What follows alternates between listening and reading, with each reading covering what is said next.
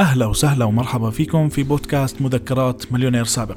معكم عبد الرحمن ربايع واليوم رح نحكي عن موضوع كتير الناس بضيعوا فيه وبيسألوا حالهم السؤال المهم متى اللحظة المناسبة أجيب مستثمر؟ وكيف ممكن أجيب مستثمر؟ وشو نوع المستثمر اللي أنا ممكن أجيب؟ ببساطة ممكن نبلش الفكرة أو القصة تبعتنا من لحظة لما أنا بلشت بالمشروع تبعي. بلشت تخطيط بلشت الفكرة تبعتي بلشت الأحداث تتوالى وأنا بجهز حالي وبحضر حالي وجيت بدي أبلش أشغل المشروع تبعي. لما أجي أبلش أشغل المشروع تبعي بكتشف إنه في عندي تكاليف أنا محتاجها. فالسؤال رقم واحد هل أنت معك مصاري إنك تشغل هذا المشروع؟ إذا كان جوابك بنعم انطلق على طول وبلش شغل المشروع تبعك لحالك. لا توجع راسك ولا تبلش حالك بمستثمر. عبين ما أنت تلاقي حالك إنه هذا المشروع بلش يشتغل بلش يجيب بلش يتحرك وقتها بتسعى للتطوير. طب إذا أنا ما معي مصاري رقم واحد دور على شريك. دور على شريك يكون مناسب لإلك يقدر يكمل عنك نص الشغل. إذا كانت التكلفة اللي بدك إياها بدك تصرفها على حدا يشتغل الشغل هذا. فمثلا إذا أنا المصاري تبعتي بدي إياها مشان مبرمج بدور على مبرمج يكون معي شريك في المشروع. مشان أنا أوفر على حالي وأجي أحكي له تعال أنت بتاخذ نسبة من المشروع وبتشتغل لي الشغل هذا. فمقابل هذا الحكي بلاقي الشريك الأول تبعي. طيب إذا أنا بدي تكلفة مادية هون بنبلش بالمراحل الأولى للتمويل اللي هي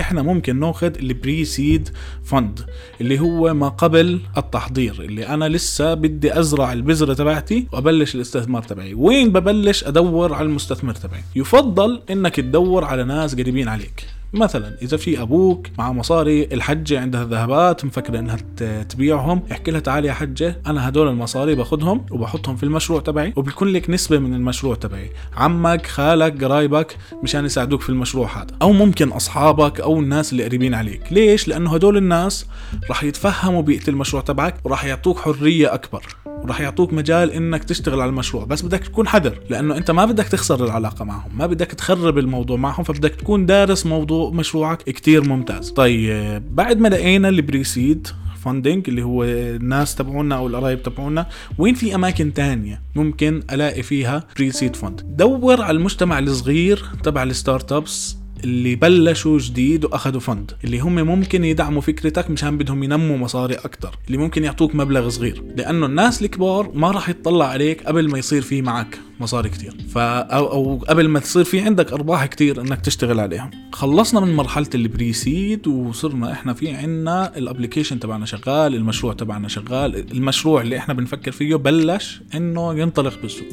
بنلاقي إنه في كلفة تشغيلية إحنا بنحتاجها مشان نشتغل على المشروع. فشو بنعمل؟ بنبلش نحسب قديش إجانا وقديش عم نصرف من المصاري اللي معنا. وصلنا للحد اللي إحنا المصاري تبعتنا بدها تخلص. هون بنبلش ندور على ال seed funding ال seed funding اللي هو بخليني أنا اتوسع أكثر انه أنا زرعت البذرة تبعتي مشان تطلع الشجرة الكبيرة لأنه هذا بخليني أنمو إيه مشان أصير شركة أكبر. مين الناس اللي ممكن يعطوك ال seed funding اللي هم في عنا الأصحاب العيلة الناس القرايب هدول. إذا لقينا واحد معاه مصاري أكثر ودائما بنروح عليهم مشان هدول الناس أسهل إنه نتعامل معهم بيكون جزء العاطفة عم بتحكم فيهم لما يجوا يشتغلوا معك وجزء الثقة بيكون عندهم أكبر. أو بنلاقي لنا angel investor المستثمر الملاك اللي هذا نازل من السماء. إمك داعيت لك وربنا راضي عليك ونزل عليك angel investor هذا ال angel investor عم بيعطيك لأنه بثق إنه أنت ممكن تنمي المشروع هذا لأنه الأرقام اللي موجودة عندك هي ما بترضيه. بس هو شايف فيك potential كتير عالي لقدام ممكن إنك تطور الشغل أو تجيب له أرباح كتير. عارف حاله إنه ممكن يزت لك دولار اليوم وترجع له إياه كمان سنتين خمسة وعشرة دولار. فعم بفكر للمدى البعيد هذا ال angel investor حدا كتير لازم تحبه. وإذا لقيت واحد امسك فيه بإيديك وأسنانك وحاول دائما تعطيه impression كتير حلو مشان إنك تاخذ منه مصاري ممكن كمان تلاقي اللي هم بسموهم ال micro VCs اللي هم مطورات الأعمال الصغيرة اللي هم بيدعموا الأعمال. وممكن إنك تعرض عليهم مشروعك ويصيروا يعطوك fund بس دائما تتذكر ما بتقدر تبيعهم الفكرة. بتقدر تبيعهم المنتج. بتقدر تحكي لهم إنه أنا في عندي المشروع الفلاني شغال وفيه أرقام. إذا ما في عندك أرقام وما في عندك أرباح وما في عندك حركة at least إشي تفرجيهم إياه بإيديك ما تفكر تروح تعرضوا عليهم. لأنه الناس هدول عم بيشوفوا إنه فكرتك موجودة عند غيرك. ممكن إنه قدم عليهم خمسين زيك. مش واحد ولا اثنين. بس في واحد منهم بستحق الدعم. في واحد منهم عن جد عم بيشتغل على الفكرة تبعته والفكرة تبعته عم تنجز وعم بتتحرك مش بس مجرد فكرة. وإذا أنا شايف الفكرة تبعتي كتير عملية وقدرت أعمل منها prototype ممكن أروح على ال crowd funding أطلع على مواقع إنترنت وأحكي للناس يلا اشتروا قبل ما أنا أطلع المنتج تبعي أو اشتركوا قبل ما أنا يطلع ال application تبعي على مواقع crowd funding حكينا عنها قبل هيك وراح نحكي عنها أكثر كمان ممكن نشرحها أكثر قدام مثل زومال مثل Kickstarter المواقع هاي اللي ممكن تجمع لي ال fund إنه أبلش المشروع تبعي. لقينا المستثمر وبلشنا نشتغل على الموضوع وبلشت الأمور تتحسن وتجيب مصاري أكثر بس وقفنا عند مرحلة إنه إحنا بدنا نتوسع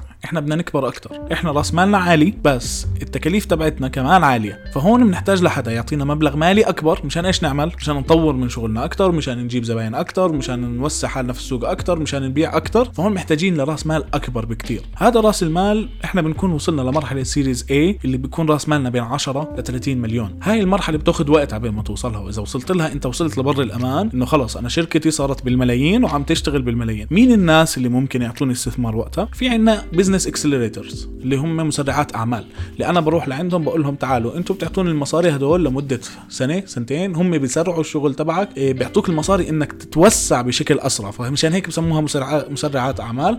مقابل أرباح مقابل نسبة مقابل الشروط اللي هم بدهم إياها. أو بنلاقي اللي هو super angel investor. اللي هو إيش؟ مستثمر ملاك بس هذا سوبر معاه مصاري أكثر وعم بيستثمر فيك أكثر فممكن يحط لك مبلغ كتير كبير مشان أنت تستثمر بالشغل تبعك. ممكن يوصل المبلغ ل 10 و15 مليون. أو ممكن نرجع لل VCs اللي هم venture capitals اللي هم شركات عندهم رأس مال عم بيستثمروا في شركات تانية. اللي بيتركوا عندهم اللي هم في عندك رجال أعمال عم بيتركوا مصاريهم بال VCs مشان هدول ال VCs شو يعملوا؟ يستثمروها في الشركات الناجحة زي اللي عندك. بعدين بيختلف معك بصير في عندك series B اللي هو أنت رأس المال اللي عندك أكبر بكتير وال fund اللي بدك إياه صار أكبر بكتير فممكن توصل رأس مالك بين 30 مليون وبين 60 مليون وبدك fund قد الموجود معك ممكن تاخذ fund لحد 30 مليون. إذا وصلت ل series C أنت كبرت كتير صار رأس مالك فوق ال 100 مليون وعديت ال 120 130 مليون أنت صرت شركة كتير كبيرة. إذا بدك مستثمر أنت بدك المستثمر بالملايين فأنت بلشت تحكي معك كتير كبير فبتطلع أنت على VCs كبار عالميين. عندهم رأس مال كتير كبير أو ممكن تيجي لحدا يجي يستحوذ على الشركة ياخذ جزء كبير من الشركة معهم راس مال كتير كبير. آه، البنوك ممكن تشتغل معك. بالمرحلة هاي انت بتقدر تحكي مع البنوك تيجي تحكي لهم استثمروا مصاريكم عندي وخذوا نسبة من الشركة لأنه البنوك عم بحطوا مصاري العملاء اللي موجودة عندهم جوا المشروع تبعك. طيب هون وصلنا للمرحلة الأخيرة اللي هو ال IPO أو الاكتتاب إنه أنا وصلت راس مالي فوق ال 100 مليون. أنا كبرت الشركة كتير كتير وصرنا والله أرباحنا كتير بس برضه بدنا فونز وبدنا مصاري مشان نطور أعمالنا أكثر فبنطرح الشركة للاكتتاب. ممكن نطرح جزء منها اللي هو أي حدا ممكن يشتري أسهم في الشركة هاي ويصير مساهم في هاي الشركة. كل حدا من الناس ممكن أي شخص مارق بالشارع معاه شوية مصاري يجي يعطيك مقابل سعر للسهم. وهون بندخل بالسوق المالي وكيف الأسهم بتشتغل وكيف الشغلات بتشتغل. نرجع لسؤالنا الأول. أنا بأي مرحلة موجود حاليا؟ ومتى بدي المستثمر؟ وكيف ممكن أجيب المستثمر؟ ببساطة طلع على حالك. اذا أنا بمرحله فكرة ما تدور على مستثمر. دور إذا أنا بقدر أمشي الشغل تبعي كلياته بإيدي. ما تيجي تحكي لي والله بدي أبيع الفكرة للمستثمر الفلاني وأجيب فلان ب 50% وهيك لأنه أنت ما عندك الشغلات اللي بتقدر تفرجيها تحكي له إنه المشروع ناجح أو المشروع شغال. فحيضل عنده مخاطرة كبيرة. حيضل عنده مخاطرة طب أوكي أعطيتك 5000 أو أعطيتك 10000 وأنت ما قدرت تمشي المشروع. فأنا مش شايف إشي عملي. فحاول شغل المشروع بالشغلات اللي موجودة معك حاليا. إذا بتقدر تلاقي حتى حدا يدخل معك بشغله بيكون أحسن وأحسن لأنه هو ما بيخاف يعطيك شغله بس بيخاف يعطيك مصاري. إذا إحنا وصلنا للتطبيق دور بعديها على واحد من الناس اللي حواليك وهيك بتوصل لمستثمر يساعدك تمشي يمكن مش يساعدك تمشي ست أشهر أو يساعدك تمشي سنة بعديها تشوف مستثمر أكبر. فقيم نفسك أنت في أي مرحلة. لما تيجي تحكي مع مستثمر دائما دور على المستثمر المناسب لمشروعك. يعني ما تروح على واحد بيشتغل بالعقارات وتحكي له شو رأيك تستثمر في السوق المالي؟ لأنه العقارات مختلفة تماما عن السوق المالي. عقليته غير مناسبة لمشروعك. ما راح أجي لواحد بيشتغل في البيع والتجارة وأجي أحكي له تعال استثمر ب software. لأنه هو بالنسبة له ال software ما بيبيع وبنشره بالسرعة اللي بيبيع فيها البضاعة تبعته بيش- بيشتريها فعقليته ممكن ما تكون مناسبة لإلك. فدور على المستثمر المناسب لإلك. إذا أنا مثلا قررت أفتح إشي بالعقارات ليش ما أشوف لي واحد